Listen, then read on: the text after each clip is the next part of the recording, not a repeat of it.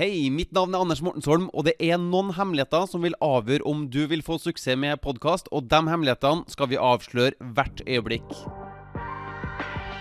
Er du en gründer som selger kunnskapen din på internett? Hvis du ønsker mer synlighet, større frihet, flere kunder og en stemme som blir hørt, har du kommet til riktig sted. Hver episode er dedikert til å gi deg markedsføringsavsløringene og salgshemmelighetene som vil akselerere din gründersuksess. Hvis du ønsker din egen markedsføringspodkast laga og lansert for deg, så kan jeg hjelpe deg med det her hvis du går til mortensholm.com.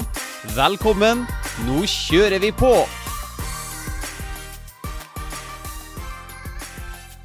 Det første jeg har lyst til å si til deg, er at hvis du har prøvd å starte en podkast tidligere, men ikke helt har fått det til, så vil jeg fortelle deg at jeg forstår deg godt. Det kan være overveldende og komplisert å starte en podkast dersom man ikke helt vet hvordan man skal gå fra. Og hvis du har vært skeptisk til om podkasting kan være noe for deg og din travle hverdag, så vil jeg betrygge deg og vise deg et hemmelig triks til hvordan sjøl den mest travle gründer kan podkast.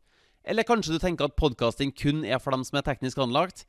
I så fall så vil jeg avsløre metoden som har gjort at både teknofobiske bestemødre og ufokuserte femåringer nå kan starte sin egen podkast. Og hvis du allerede har bestemt deg for å starte din podkast, så skal jeg vise deg nøyaktig hvordan du skal få suksess med din podkast. Men hvem er det egentlig som har størst suksess med podkastmarkedsføring?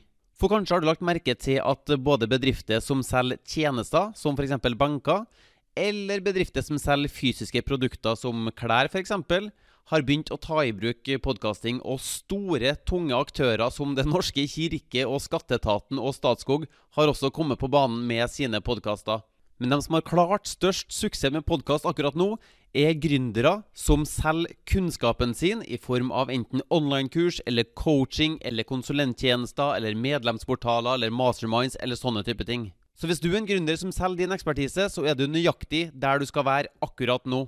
Mitt navn er Anders Mortensholm, og jeg er den glade gutten som du ser på bildet der. Og jeg står også bak podkasten Digital markedsføring med podkast, som er én av flere podkaster som jeg driver. Digital markedsføring med podkast retter seg mot eh, norske gründere som har lyst til å starte sin egen podkast og lære seg å markedsføre med podkast som markedsføringskanal. Og så har jeg også et program som heter Podmarkedsføring, hvor jeg hjelper gründere med å starte og lansere deres podkast. Jeg gjør det faktisk for dem. Jeg lager forsidebilde, jingle, outro. Jeg redigerer episodene, publiserer episodene, markedsfører episodene. Jeg gjør Altså, jeg rett og slett bare starter og lanserer podkasten for gründere som har lyst til å lære seg podkastmarkedsføring. Men hvordan kan du egentlig vite om podkastmarkedsføring er noen ting for deg? Vel, du kan jo se om du kjenner igjen i den historien her. Da jeg først begynte å selge kunnskapen min på internett, så la jeg umiddelbart merke til den store skepsisen som er på internett. Altså, det var ikke bare å si at jeg kunne noen ting, så ville folk umiddelbart tro på meg og kjøpe fra meg. For at noen skulle ende opp med å kjøpe mine produkter og tjenester, så måtte de ha tillit til at jeg faktisk kunne hjelpe dem. Så hos meg, som så mange andre som selger sin kunnskap, så var det bare noen få prosent av følgerne mine i sosiale medier eller på e-postlista mi som faktisk endte opp som betalende kunder. Og jeg ønska meg inderlig flere betalende kunder, sånn at jeg fortsatt kunne satse på gründervirksomheten min og ikke ble nødt til å trappe ned. Så jeg forsto tidlig at dersom jeg skulle få folk til å kjøpe fra meg, så måtte jeg bygge en sterk relasjon til følgerne mine, som sørga for at de visste om meg, likte meg og kunne stole på meg. Men på Facebook så opplevde jeg å nå ut til stadig færre av følgerne mine når jeg la ut enten bilder eller tekster eller hva det skulle være for noen ting. Så oppdager jeg at jeg når jo ikke ut til følgerne mine sånn som jeg brukte å gjøre. Og på e-postene mine så opplevde jeg at eh, flesteparten aldri åpna mailene mine, og enda færre klikka på lenker inn i e-posten min som kunne ta dem enten til en PDF-tekst, eller til en bloggtekst, eller til en video, som skulle hjelpe meg med å bygge denne relasjonen jeg visste at jeg trengte for å bygge tillit til mm, markedet mitt. Og det her gjorde det svært vanskelig for meg å faktisk klare å bygge denne tilliten som jeg trengte for å gjøre flere av følgene mine om til betalende kunder. Og det ble nærmest umulig for meg å vokse bedriften min. Så jeg følte meg frustrert, for at nå skjønte jeg at nå går jeg glipp av store inntekter fordi at jeg ikke når ut med mitt budskap. Og jeg visste at budskapet mitt virkelig faktisk kunne gjøre en forskjell for følgerne mine. Jeg satt på kunnskap som faktisk kunne hjelpe dem med å løse problemene deres, men jeg slet jo med å nå ut. Og de lave salgstallene mine skapte en utrygghet i meg om at det kanskje var noe galt med meg eller produktet mitt, siden det var såpass få av følgerne mine som endte opp med å bli betalende kunder. Som mange andre gründere var også jeg en flittig bruker av Facebook-annonsering, men en dag så våkna jeg til en nedstengt annonsekonto på Facebook. Og det betydde at jeg ikke lenger fikk noen nye kundeemner, samtidig som jeg jo ikke hadde noen effektiv måte å nå ut til mine eksisterende følgere på. Og det betydde jo at inntektene mine de stoppa helt opp, dem. Jeg var sårbar fordi min eneste kilde til kundeemner nå ble tatt fra meg uten at jeg kunne forstå hva jeg hadde gjort eh, galt. Kanskje hadde ikke jeg gjort noe galt i det hele tatt. Så jeg tok på meg headsetet og smarttelefonen og la ut på joggetur rundt i Ottestad, der jeg bor. Og på denne podkastepisoden så begynte det å synke inn sakte, men sikkert for meg. For den podkastverten som jeg hørte på, han gjorde det klinkende klart for meg at salg, det foregår pga. relasjonsbygging. Og han kunne fortelle meg om eh, de ulike måtene jeg kunne bygge relasjoner til mine følgere på. Jeg hadde jo allerede erfaring med e-postmarkedsføring, men det jeg merka der, at eh, de, de åpner knapt e-postene, og de som åpner, de trykker ikke på lenkene. Og de eh, bruker svært kort tid på å lese teksten min, hvis de i hele tatt leser den. Eller jeg kunne bruke en blogg. Og det han kunne fortelle meg da, var at uh, hvis jeg går for blogg, så klarer jeg kanskje å holde på leserne mine i en fem til ti minutter hvis jeg er god til å skrive tekster. Eller jeg kunne gå for YouTube, og de beste youtuberne de er kjempefornøyd hvis de klarer å holde på sine seere i tre til fem minutter. Fordi at oppmerksomheten til folk nå, den er kort. Vi skal ha umiddelbar tilfredsstillelse før vi hopper videre. Eller vi kunne prøve å bygge relasjoner med følgerne våre gjennom sosiale medier, og der er oppmerksomheten kortest av alle mulige plattformer. Eller vi kunne gjøre det gjennom podkasting. Og på podkast der holder vi på lytterne i uhorvelig lang tid i forhold til alle andre plattformer. Altså Joe Rogan Experience er en, eh, kanskje den mest eh, kjente podkasten vi har akkurat nå. Og den varer, Det er enkelte episoder som varer i fire timer, og folk dundrer på å høre alle de her episodene. Så ved podkastmediet så forsto jeg at jeg kunne faktisk holde på oppmerksomheten til lytterne mine mye lenger enn noen annen plattform. Og Grunnen til at folk hører så mye på podkast som de gjør, er fordi at podkastmediet er noen ting vi oppsøker når vi har god tid og er i riktig modus til å faktisk eh, følge med. F.eks. når vi pendler, eller når vi trener, eller når vi vasker huset, eller sånne type ting. Eller som Pat Flynn bruker å si. On a podcast, you can hold a person's attention for 20 minutes, 30 minutes, over an hour. And imagine with your voice in your audience's head for that long at a time, you can't help but build an incredibly strong relationship and earn a lot of trust within that time period. For anybody who has a business or is trying to build an audience, I would highly recommend creating an audio podcast for that reason. Så det ble noe krystallklart for meg hvordan jeg kunne få følgerne mine til å like meg, stole på meg og være komfortabel med å gjøre en handel med meg. Jeg måtte gi verdi først for å bevise at jeg faktisk hadde den kunnskapen som jeg sier at jeg har, og den kunnskapen som de trengte for å løse sitt problem. Og jeg skjønte også at jeg kunne ikke sette meg i en såpass sårbar situasjon at jeg ble helt avhengig av Facebook eller noen andre sin plattform for å få kunder. Så jeg måtte starte min egen podkast, en kanal jeg sjøl kunne eie og kontrollere, som ingen noen gang kunne ta fra meg. Jeg hadde jo allerede rukket å bygd opp noen følgere på både e-postlista mi og i sosiale medier, men jeg var litt skuffa over hvor få prosent av de følgerne mine som faktisk ble betalende kunder, så jeg hadde lyst til å få en høyere prosentandel av mine følgere til å faktisk bli betalende kunder.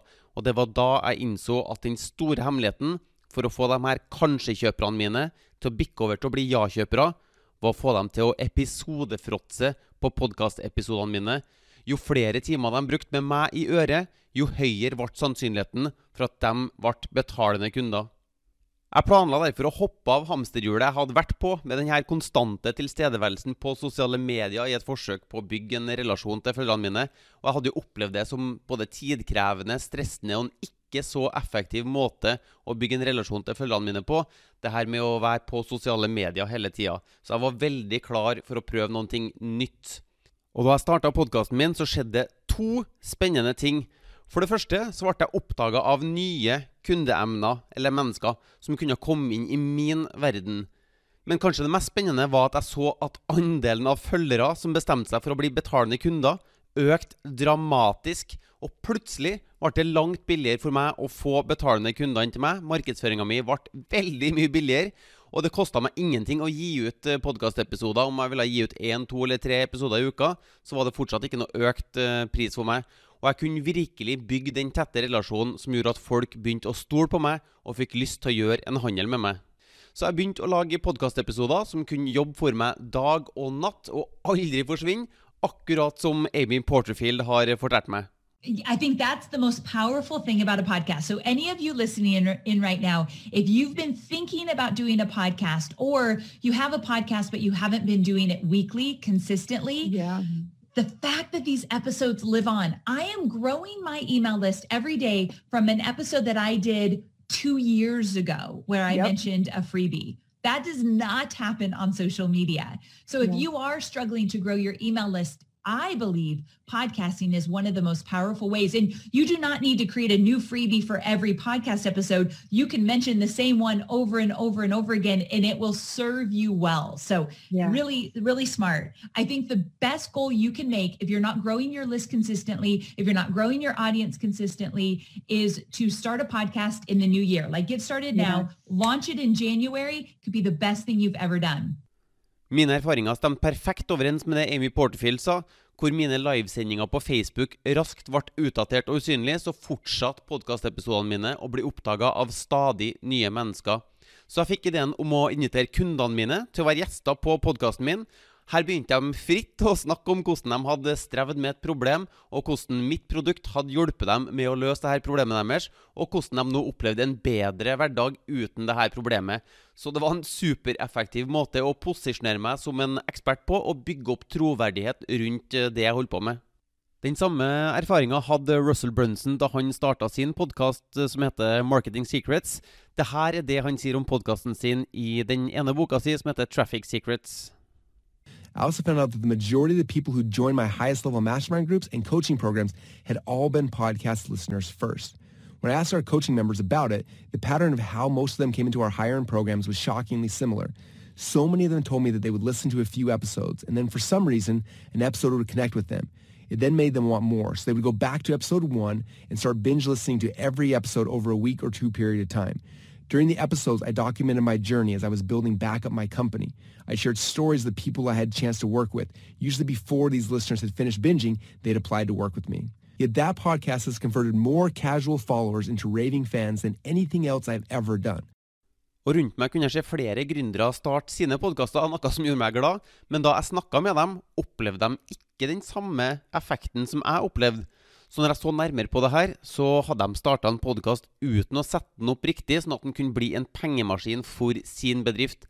Og dermed endte jeg opp med å gi litt tips og råd til andre gründere som eh, podkaster, for hvordan de kunne gjøre om podkasten sin sånn at den ble en verdifull del av markedsføringa, og ikke bare nok en greie man gjorde, men som resulterte i lite. Og det var da jeg fant ut at jeg ville lage et program som kunne hjelpe gründere med å starte sin egen suksessfull podkast på mindre enn 30 dager. Så etter at jeg hadde hjulpet nok gründere til at jeg ble trygg på hvordan man underviser podkastmarkedsføring på en enkel og effektiv måte, ble endelig programmet Podmarkedsføring klart for markedet. Og med dette programmet så kunne jeg nå hjelpe norske gründere til å få flere betalende kunder, større frihet og en stemme som blir hørt gjennom podkastmarkedsføring. Og etter hvert begynte flere gründere som selger kunnskapen sin, å bruke podmarkedsføring til å starte sine egne markedsføringspodkaster for å få flere betalende kunder. Og etter at jeg lagde podmarkedsføring, har jeg også sjøl funnet en god måte å møte den evige skepsisen på internett med en podkast hvor jeg demonstrerer kompetansen min gratis, hjelper følgerne mine med å løse deres problemer, posisjonerer meg som en ekspert og bygger tillit i markedet mitt. Så jeg har også blitt kvitt frykten for om jeg plutselig skal miste inntektskilden min om Facebook stenger ned annonsekontoen min, for nå vet jeg at jeg alltid vil ha en jevn strøm av betalende kunder fra podkasten min. Hvis du også selger din kunnskap på internett, så har du kanskje kjent på en viss skepsis blant folk. Hvorfor skal folk stole på deg? Men med en podkast kan du raskt posisjonere deg som en ekspert, demonstrere at du faktisk kan hjelpe dem gjennom å faktisk hjelpe dem helt gratis med dine podkastepisoder. For hva vil det bety for deg dersom du klarte å bikke de her kanskje-kjøperne dine over til å bli ja-kjøpere? Eller som Gary Vaynerchuk sier Podcasts are winning. It's underpriced. That's it. It's just very simple. It's very simple. So, so, I, you know, I hear you on the library. I'm just putting that aside for a second. I'm trying to be practical of uh, what would I do if I was running this business. I think you should really debate the podcast. I think you're you would crush. It would matter. Og hvis du skal ha suksess med podkast, så er det noen podkasthemmeligheter du må kjenne til. Så jeg tenkte vi skulle dykke litt ned i dem her nå. For det første, hemmelighet én. Sånn her gjør du lyttere om til betalende kunder uten at du fremstår som en pågående selger. Så tenkte jeg vi kunne se på hemmelighet nummer to med utstyrsguide. Jeg skal vise deg hvordan utstyr du absolutt ikke må kjøpe deg og hva slags utstyr jeg vil anbefale, og hvordan du kan lykkes som podkaster sjøl om du ikke er teknisk anlagt. Før vi går over til hemmelighet nummer tre, som viser deg hvordan du kan lykkes som podkaster sjøl om du er en travel gründer med dårlig tid, for det vet jeg er veldig vanlig for, oss eh, gründere. Og det er et hemmelig triks for hvordan du kan lage alle episodene dine for en hel måned i løpet av en liten time, som jeg har kjempelyst til å dele med deg hvert øyeblikk nå. Men la oss starte med å se på hvordan du kan gjøre dine lyttere om til betalende kunder uten at du trenger å fremstå som en pågående selger. På starten av 2000-tallet så skrev Kevin Kelly artikkelen 1000 True Fans, hvor han gikk gjennom hvordan man som Han bruker vel kunstnere som eksempel. da, Hvordan man ikke trengte mange supportere, eller ikke mange følgere, for å faktisk kunne leve av det. Så han gikk gjennom et regnestykke hvor, man, hvor han viste fram hvordan man kan leve av bare 1000 følgere som faktisk ender opp med å kjøpe produktene dine. For det er forskjell på en lytter og en supersupporter. Altså Da jeg vokste opp, så hørte jeg på Iron Maiden og rockeband og sånn. Men jeg hadde også en kompis som het uh, Trond. Han gikk på alle Iron Maiden-konsertene. Han droppa til og med fotballcupene våre for å gå på dem her. Og da eh, Brave New World-albumet ble sluppet, så skulka han skolen for å være førstemann i eh, døra til CD-butikken for å kjøpe det her. Så det her var en type kunde, eller en supporter av det her rockebandet, da som kjøpte absolutt alle mulige versjoner. Var det Greatest Hits-album som kom ut med bare én ny bonuslåt, så kjøpte han det også, hvor jeg kanskje var litt mer eh, moderat. Så i artikkelen til Kevin Kelly så går han gjennom 1000 True Fans. Hva er forskjellen på en, eh, en eh, ja, lytter og hva, hva for, og en supersupporter, og hvordan kan du bygge det? Og denne artikkelen den stimulerte uh, Pat Flynn, som er podkasteren bak Smart Passive Income, til å skrive boka Superfans, hvor han går gjennom også hvordan man går fra lytter til supersupporter gjennom å bygge en tett relasjon og hjelpe de her lytterne med å løse problemer. Så det jeg tenkte vi kunne gjøre nå, er å se på hvordan vi kan gjøre lytterne dine om til supersupportere. Og Det første steget er jo å definere drømmelytteren din. Altså, jeg hadde en uh, kompis som solgte en sånn her uh, metode for hvordan man kan lære effektivt. Og han valgte seg ut studenter til å selge det her produktet sitt til. Men vet du hva studenter ikke har? De har ikke god råd. Så det var litt sånn fattig, fattige dager i denne bedriften. Så jeg stilte ham et spørsmål at uh, er det noen andre enn studenter som kunne ha mm, nytt godt av denne læringsmetoden som du underviser? Så ja, jo, det var jo kanskje det, da. Og det her var et nøkkelspørsmål som gjorde et hav av forskjell for hans bedrift. For i dag så hjelper han eh, næringslivs- eller karrierefolk da, som har lyst på en høyere stilling, med å bestå visse tester de trenger for å klatre karrierestigen sin. Og de her er jo mye mer lønnsomme kunder for han enn de her fattige studentene var. Eh, så hvis du f.eks. løser ekteskapet, hvis du er en ekteskapsrådgiver, da, så vil det kanskje være mer penger i å løse ekteskapet til en næringslivsleder enn eh, studenter som har gifta seg ung, f.eks. Så når vi skal begynne å definere drømmelytteren, så må vi se på hvem er det vi hvem er det vi ønsker å være til for? Hvem er det som er lønnsomt for oss? Hvem ønsker vi? Og det er ikke sånn at du må velge dem bare rikinger, du, men det kan være én um, inngang hvis du har lyst til å gjøre en god business ut av det. Og så må vi gå over til å finne ut hva er det slags problemer de her eh, drømmelytterne våre egentlig har.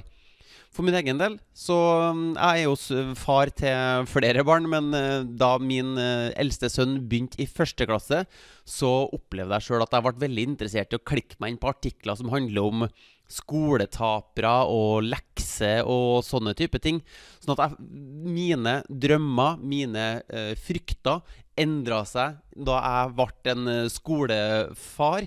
Så det, for deg også lønner seg å finne ut hvilke problemer, hvilke drømmer, ønsker har de eh, menneskene som du ønsker å rette deg mot, sånn at du kan lage episoder som snakker direkte til de her tingene. Jeg begynte å høre på podkaster sjøl om eh, hvordan unngå å bli skoletaper, hvordan følge opp eh, barneskolebarnet ditt på best mulig måte osv. Så, videre. så du må lage podkastepisoder som løser de her eh, problemene. Så hvilke problemer møter lytteren din på når de prøver å oppnå det resultatet som de ønsker? Og så må vi starte med mm, the end in mind, som de sier på engelsk. Hva ønsker du at podkastlytteren din skal gjøre etter at de har hørt en av dine podkastepisoder? Antageligvis så vil det være interessert for deg å sende podkastlytteren din inn i din salgsprosess. Og Din salgsprosess kan være unik for deg. Kanskje vil du at de skal gå inn i en butikk eller ringe et telefonnummer. Eller hvis du ligner på mange av oss andre som selger kunnskapen, så vil du kanskje at de skal besøke en eller annen webside. da. Så da må vi starte med det som utgangspunkt. Så for å få dem til å gjøre det her, så må du tenke på noe verdifullt du kan gi til lytteren. En sånn her eh, kundemagnet. Kanskje kan du lage ei webside med en e-bok eller en videotrening eller et eller annet sånn her eh, gratis som bare blir helt uimotståelig for denne lytteren. For da kan du bruke podkastepisodene dine til å si gå til www.kundemagnet.no, eller hva det skulle være for en eh, webside du bruker da for å sende dine lyttere inn i din uh, salgsprosess. Og For min egen del så har jeg en podkast som heter Digital markedsføring med podkast. Og Der sier jeg bl.a. at uh, hvis du har lyst til å lære deg å starte din egen podkast, så kan du gå til www.mortensholm.com for å lære deg hvordan du kan komme i gang. Og da vil du bli tatt til den, uh, til den videopresentasjonen som du ser på akkurat nå. Og hvis du nå ikke har uh, noe kunnskap om hvordan du lager en sånn her uh, landingsside eller en webside, så er det noen ting jeg legger ved gratis i, i uh, podmarkedsføring. Hvor du vil da få et abonnement på, sånn her, på et software som bygger de her websidene helt gratis. Og du vil også få med en sjekkliste for hvordan du lager en god kundemagnet som er uimotståelig for dine lyttere. Deretter må vi finne måter å sende lytterne dine inn i denne salgsprosessen på, og det kan vi gjøre på tre forskjellige måter. Den første måten er på jinglen helt i starten av episoden din. For det er ganske vanlig på podkaster at man starter episoden med en melodi med noe snakking oppå. Og denne snakkinga oppå melodien er det vi kaller jinglen, og der kan vi si noe sånt som at uh, Velkommen til podkast X. Denne podkasten er for sånne og sånne mennesker som vil løse sånt og sånt problem. Og hvis du vil lære mer om det her, gå til salgsprosess.no, f.eks. Um, så jingelen er den første plassen vi kan eh, begynne å sende lytterne inn i salgsprosessen.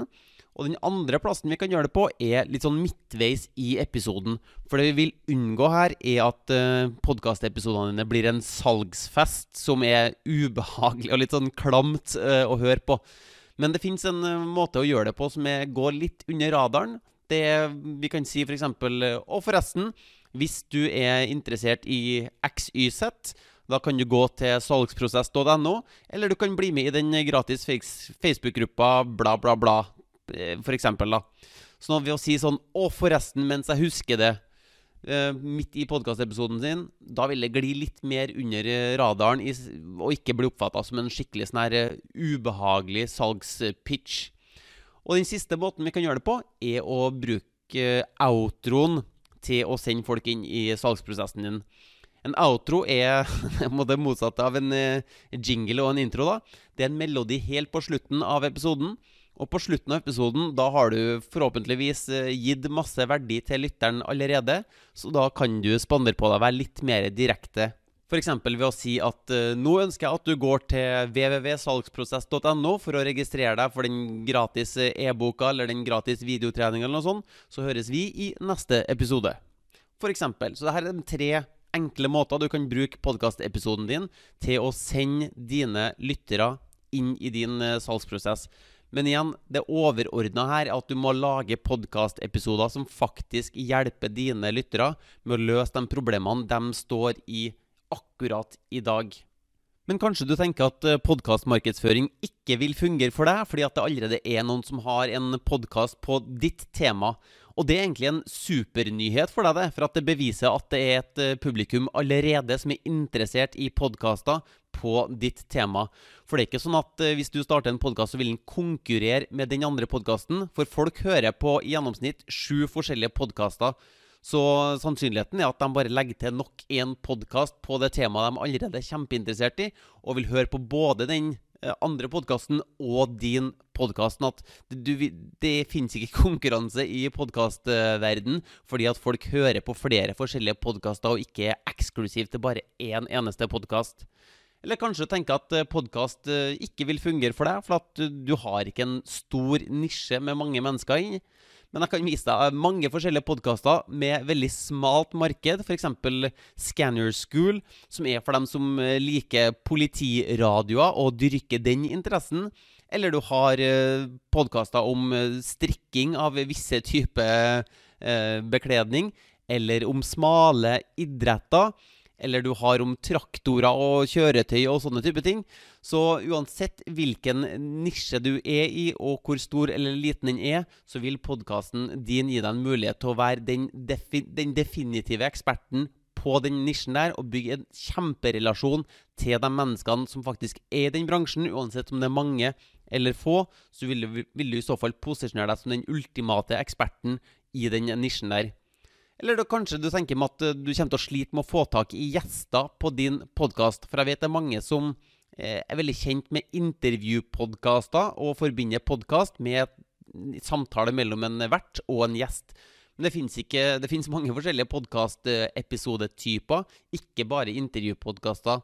For eksempel så finnes det Altså, min egen podkast er eh, markedsfør med podkast. Det er en solopodkast hvor det sitter bare meg og snakker inn i mikrofonen og øser av min kunnskap, da. Eller du har eh, en av mine kunder, som er en sexolog. Hun har et, en panelpodkast hvor det sitter to, tre og fire forskjellige programledere og diskuterer og tjatrer og babler og snakker sammen om eh, sexologi og, og den biten der.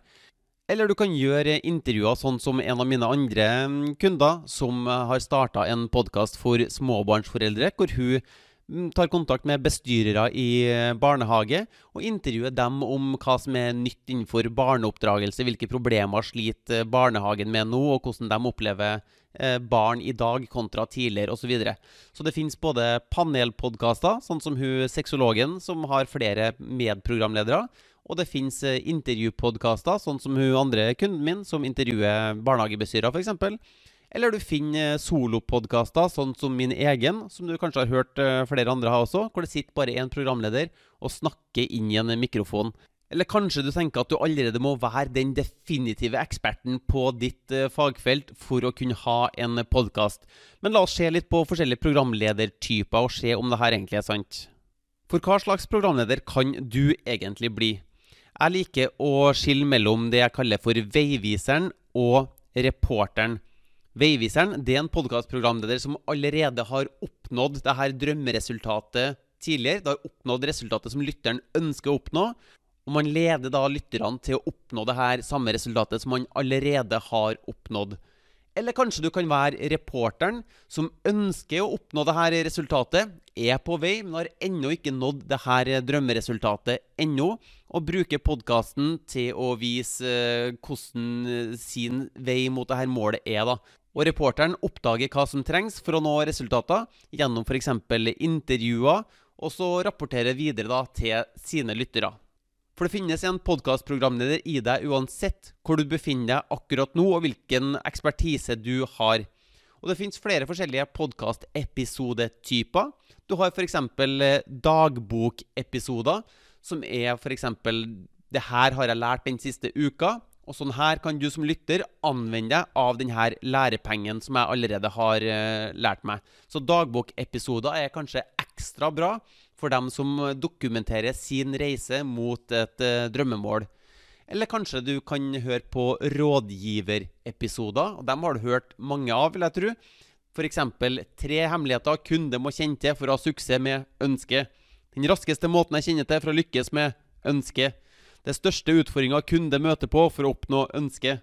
Den vanligste fallgruva mange kunder gjør når de prøver å oppnå ønsket og så videre og så videre og så videre. Så det er bare mange forskjellige episode eh, episoder som rådgiver denne kunden. da, Og det vil være da en ekspert som allerede vet svaret, som da gir de her type rådene. Eller kanskje du er mest komfortabel med intervjuepisoder, hvor du inviterer en gjest til din podkast og intervjuer denne gjesten for sannheten om podkastmarkedsføring er at uh, siden folk sluker timeslange episoder uten å blunke, kan du trollbinde dem med interessante historier som gir læringsverdi, samtidig som du bygger opp både kjøpevilje og lojalitet. Ok, la oss hoppe over til hemmelighet nummer to. Utstyrsguide. Hva slags utstyr trenger du egentlig for å starte din podkast? Og hvordan lykkes du som podkaster sjøl om du ikke er teknisk anlagt? For overraskelse, du må faktisk ikke være så teknisk anlagt som du kanskje tror. Fordi jeg trodde, gjennom å ha sett på mm, Joe Rogan Experience og alt det her, at jeg trodde jeg måtte ha et ordentlig profesjonelt eh, podkaststudio. Jeg tenkte først at jeg måtte eh, leie meg inn på et sted på Majorstua i Oslo for å spille inn mine podkaster. Men så så jeg mine favorittpodkastere. Det er en markedsfører som heter Russell Brunson, som har en podkast som heter Marketing Secrets. Og så er det også en annen eh, digital markedsfører som heter Frank Kern, som også har sin egen podkast. Men de spilte inn sine podkaster på smarttelefonen sin. De kunne bare legge seg ned på hotellsenga si, eller eh, ja, Russell, Russell Brunson kalte jo sin podkast 'Marketing in your car' til å begynne med. Så han, mens han kjørte til jobb, så tok han opp smarttelefonen sin og snakka til telefonen sin mens han kjørte til jobben sin. Mens eh, Frank Kern, som eh, bodde ved stranda, kunne sette seg ned på sanda og mens han gikk tur med hunden sin, og snakke eh, inn i telefonen sin da. Så det var måten de spilte inn sine podkastepisoder på.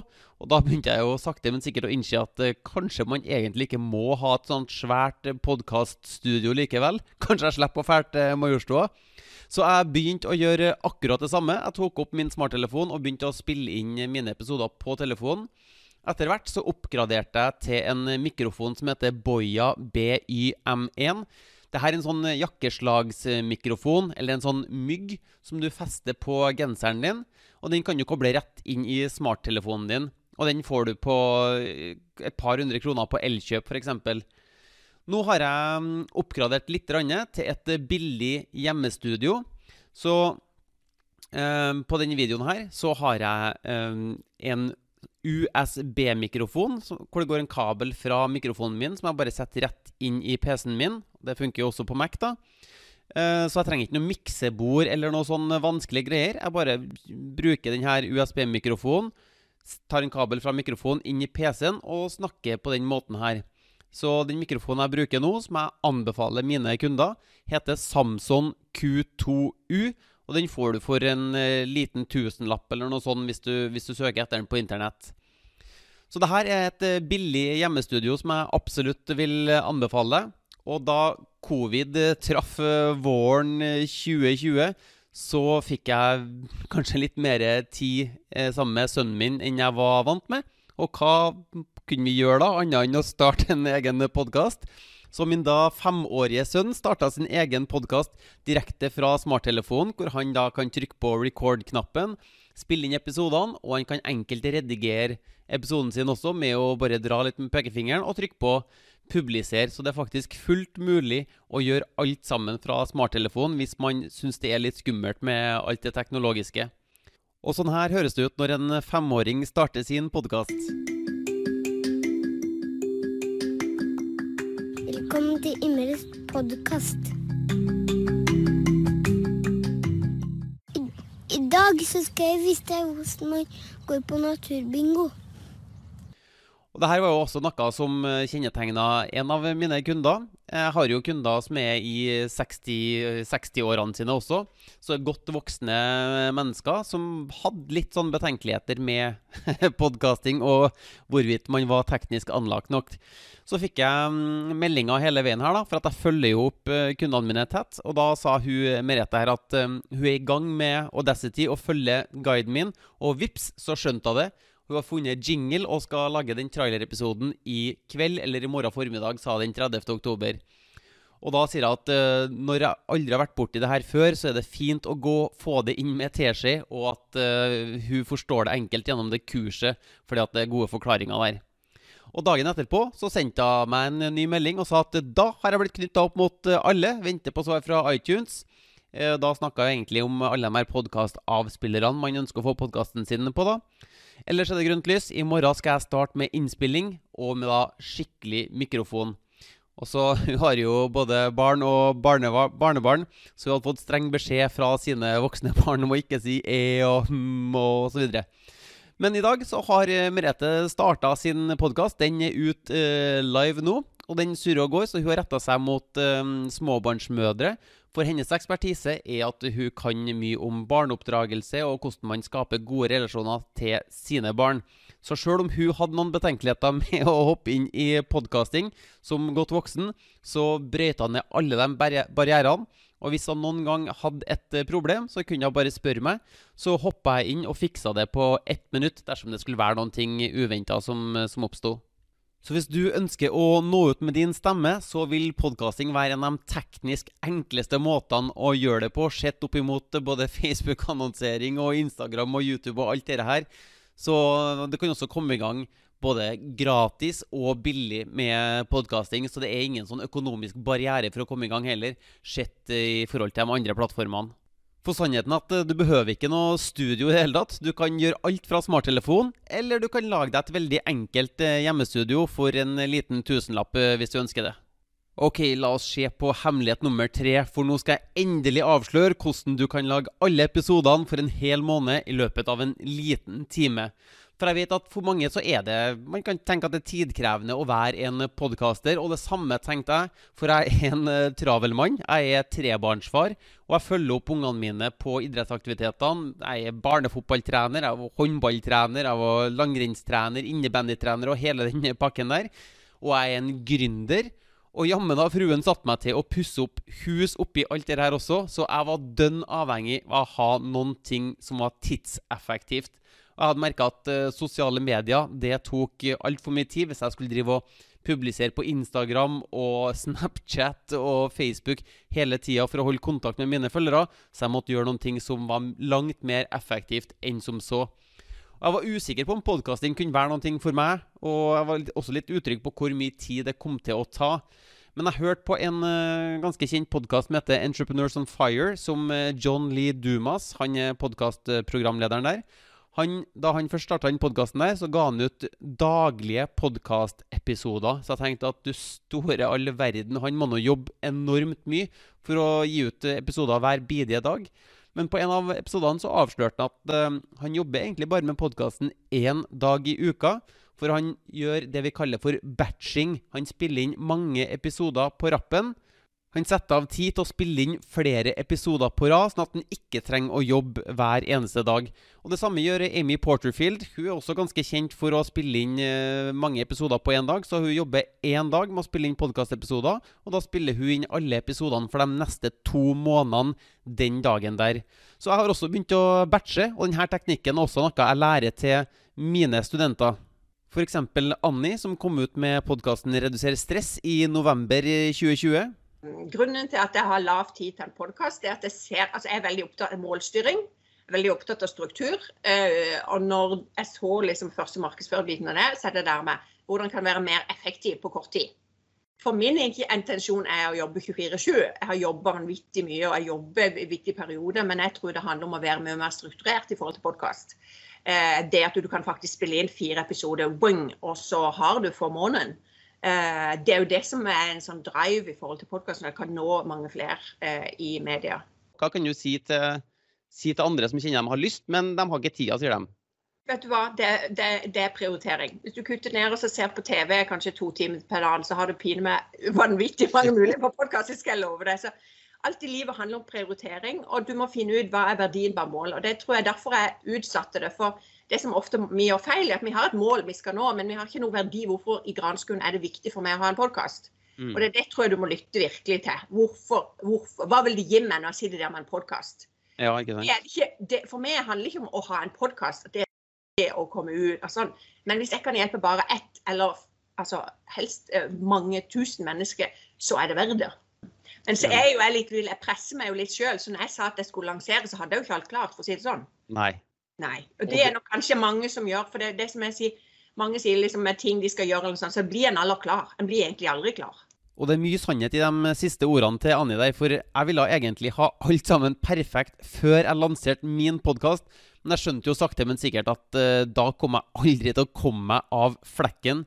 For det er faktisk sånn at det er bedre å starte enn å ha alt sammen klart. For nå har jeg lært meg at man kan endre både navnet på podkasten etter hvert. Man kan endre forsidebildet, man kan endre formatet. Kanskje vil du ha intervjupodkast og så gå over til en solopodkast.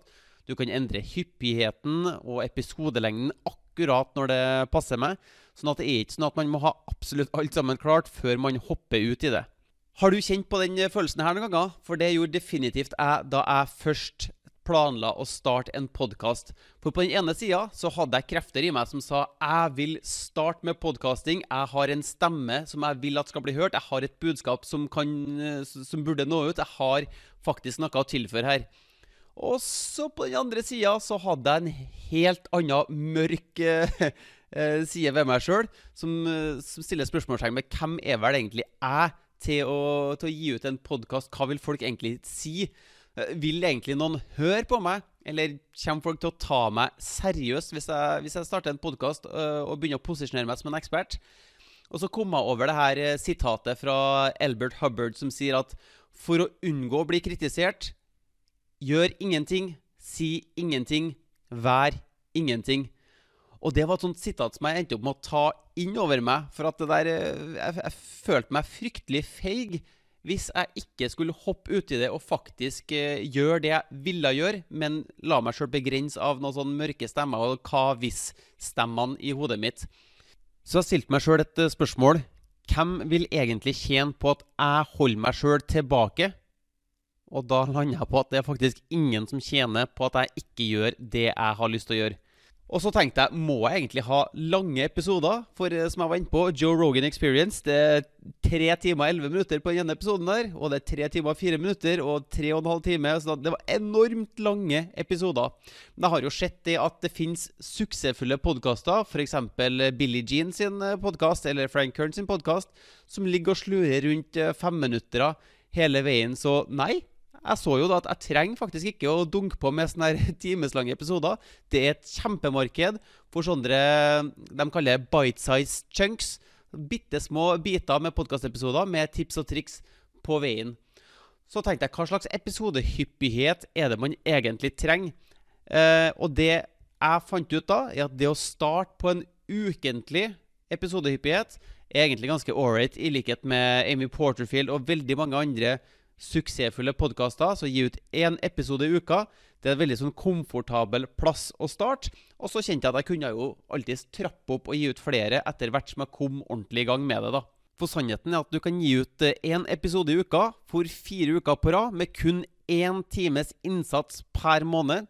For min egen del så kan jeg spille inn et eh, kvartersepisode mens jeg går til jobb. Og gjør jeg det da fire dager, i løpet av en måned så har jeg spilt inn alle de her episodene jeg trenger for hele måneden. Så podkasting trenger ikke å ta mye tid. Så la meg stille deg et spørsmål.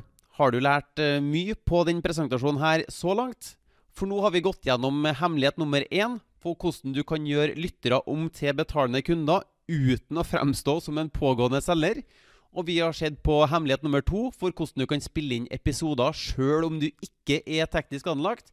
Og så har vi akkurat nå sett på hemmelighet nummer tre, med hvordan du kan lage alle episodene for en hel måned i løpet av en liten time. Så hvis du kunne tenkt deg å starte din podkast og begynne å markedsføre din gründervirksomhet med podkast, så har jeg lyst til å introdusere deg til podmarkedsføring, som er din mulighet til å få din podkast laga og lansert for deg, sånn at du kan få større frihet, mer synlighet, flere kunder og en stemme som blir hørt, uten at du behøver å bli begrensa av tekniske blokkeringer eller tidkrevende redigeringsarbeid. For med podkastmarkedsføring vil du få alt gjort for deg. Forsidebilde, jingle, outro, oppkobling av podkasten din, søkemotoroptimalisering, redigering av episoder, publisering av episoder, markedsføring av episoder. Alt dette her blir gjort for deg. Og Du får også innsikt i alle hemmelighetene om hvordan du lager podkastepisoder som konverterer lyttere om til betalende kunder. Og jeg gir deg en skikkelig pangstart, hvor du kan ha dine første ti episoder klar allerede om to uker fra nå. Hvis du vil ha din podkast laga og lansert for deg, gå til www.mortensholm.com. Men podmarkedsføring er ikke for alle sammen. Dette programmet er ikke for deg hvis du ikke liker å få suksessoppskrifter servert, men at du heller vil bruke noen år på å prøve og feile og finne ut av det her på egen hånd.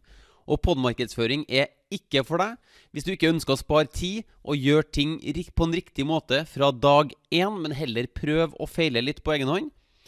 Og podmarkedsføring er ikke for deg hvis du ikke vil ha støtte dersom du skulle sette deg fast, men at du heller vil prøve å fikse alt sammen på egen hånd. Og podmarkedsføring er ikke for deg hvis du ikke liker å investere i deg sjøl og din business, sånn at du kan få vokse businessen din og få en større suksess som gründer. Dette er et eh, program som allerede nå gjør gründere om til podkastere. Og de som har gått gjennom kurset, er såkalt sabla bra fornøyd med kurset og liker måten det er bygd opp på. Eller som Annie sa i podkastintervjuet vårt Å, takk! Jeg trenger det veldig. Og tusen takk for at jeg fikk lov. Takk for rausheten din. Og takk for hjelpa. Jeg hadde aldri greid uten det, faktisk. Så det skal du ha. Så hvem er det podmarkedsføring vil passe perfekt for? Jo, hvis du selger din kunnskap og allerede har en fungerende salgsprosess og eksisterende følgerskare, så vil det være en perfekt plass for deg inn i podmarkedsføringsprogrammet. Eller om du sitter på en ekspertise og har en følgerskare, men ennå ikke har laga noe produkt, så tror jeg podmarkedsføring vil være akkurat det du trenger for å komme deg videre med din eh, gründervirksomhet. Eller om du har et produkt, men ønsker å få flere følgere enn du allerede har, da tror jeg podmarkedsføring vil være nøyaktig det du trenger. Men kanskje du tenker at du ikke har tid akkurat nå, og da har vi hørt eh, en av mine kunder si at her burde du gjøre tid. For med dette tilbudet så får du tilgang sånn at du kan logge deg inn og fullføre podkastlanseringa di akkurat når du sjøl har tid. Så det kurset her, det går i ditt tempo. Så se for deg at du hadde begynt å podkaste for ett år siden. Hvor mye ekstra tror du du hadde tjent da, bare på å få 5% ekstra av dine følgere til å bikke over fra kanskje-kjøpere over til å bli ja-kjøpere? Og hvor mye innkjøning går du glipp av dersom du utsetter her enda et år nå? Men du kan selvfølgelig ta med deg det du har lært på den presentasjonen her, og prøve å starte din podkast på egen hånd. Men det er absolutt ikke noen ting jeg vil anbefale, for jeg har sett så mange gründere prøve å starte sin podkast, men har satt seg fast i noen tekniske problemer og gitt opp på veien, eller at man ikke får det resultatet man ønsker av podkasten sin, rett og slett for at man ikke bruker den riktig. Så det har jo til og med kommet et eget uttrykk på det her som heter podfade, som går ut på at man bråstopper med å gi ut eh, podkastepisoder fordi at man ikke får de resultatene man vil, eller at man ikke skjønner hvordan man, man kommer seg videre. For det er mange som har prøvd å starte podkasten sin, for så å gi opp. Men det her vil ikke skje dersom du har noen som følger deg hele veien gjennom prosessen, som f.eks. det Annie sier eh, her.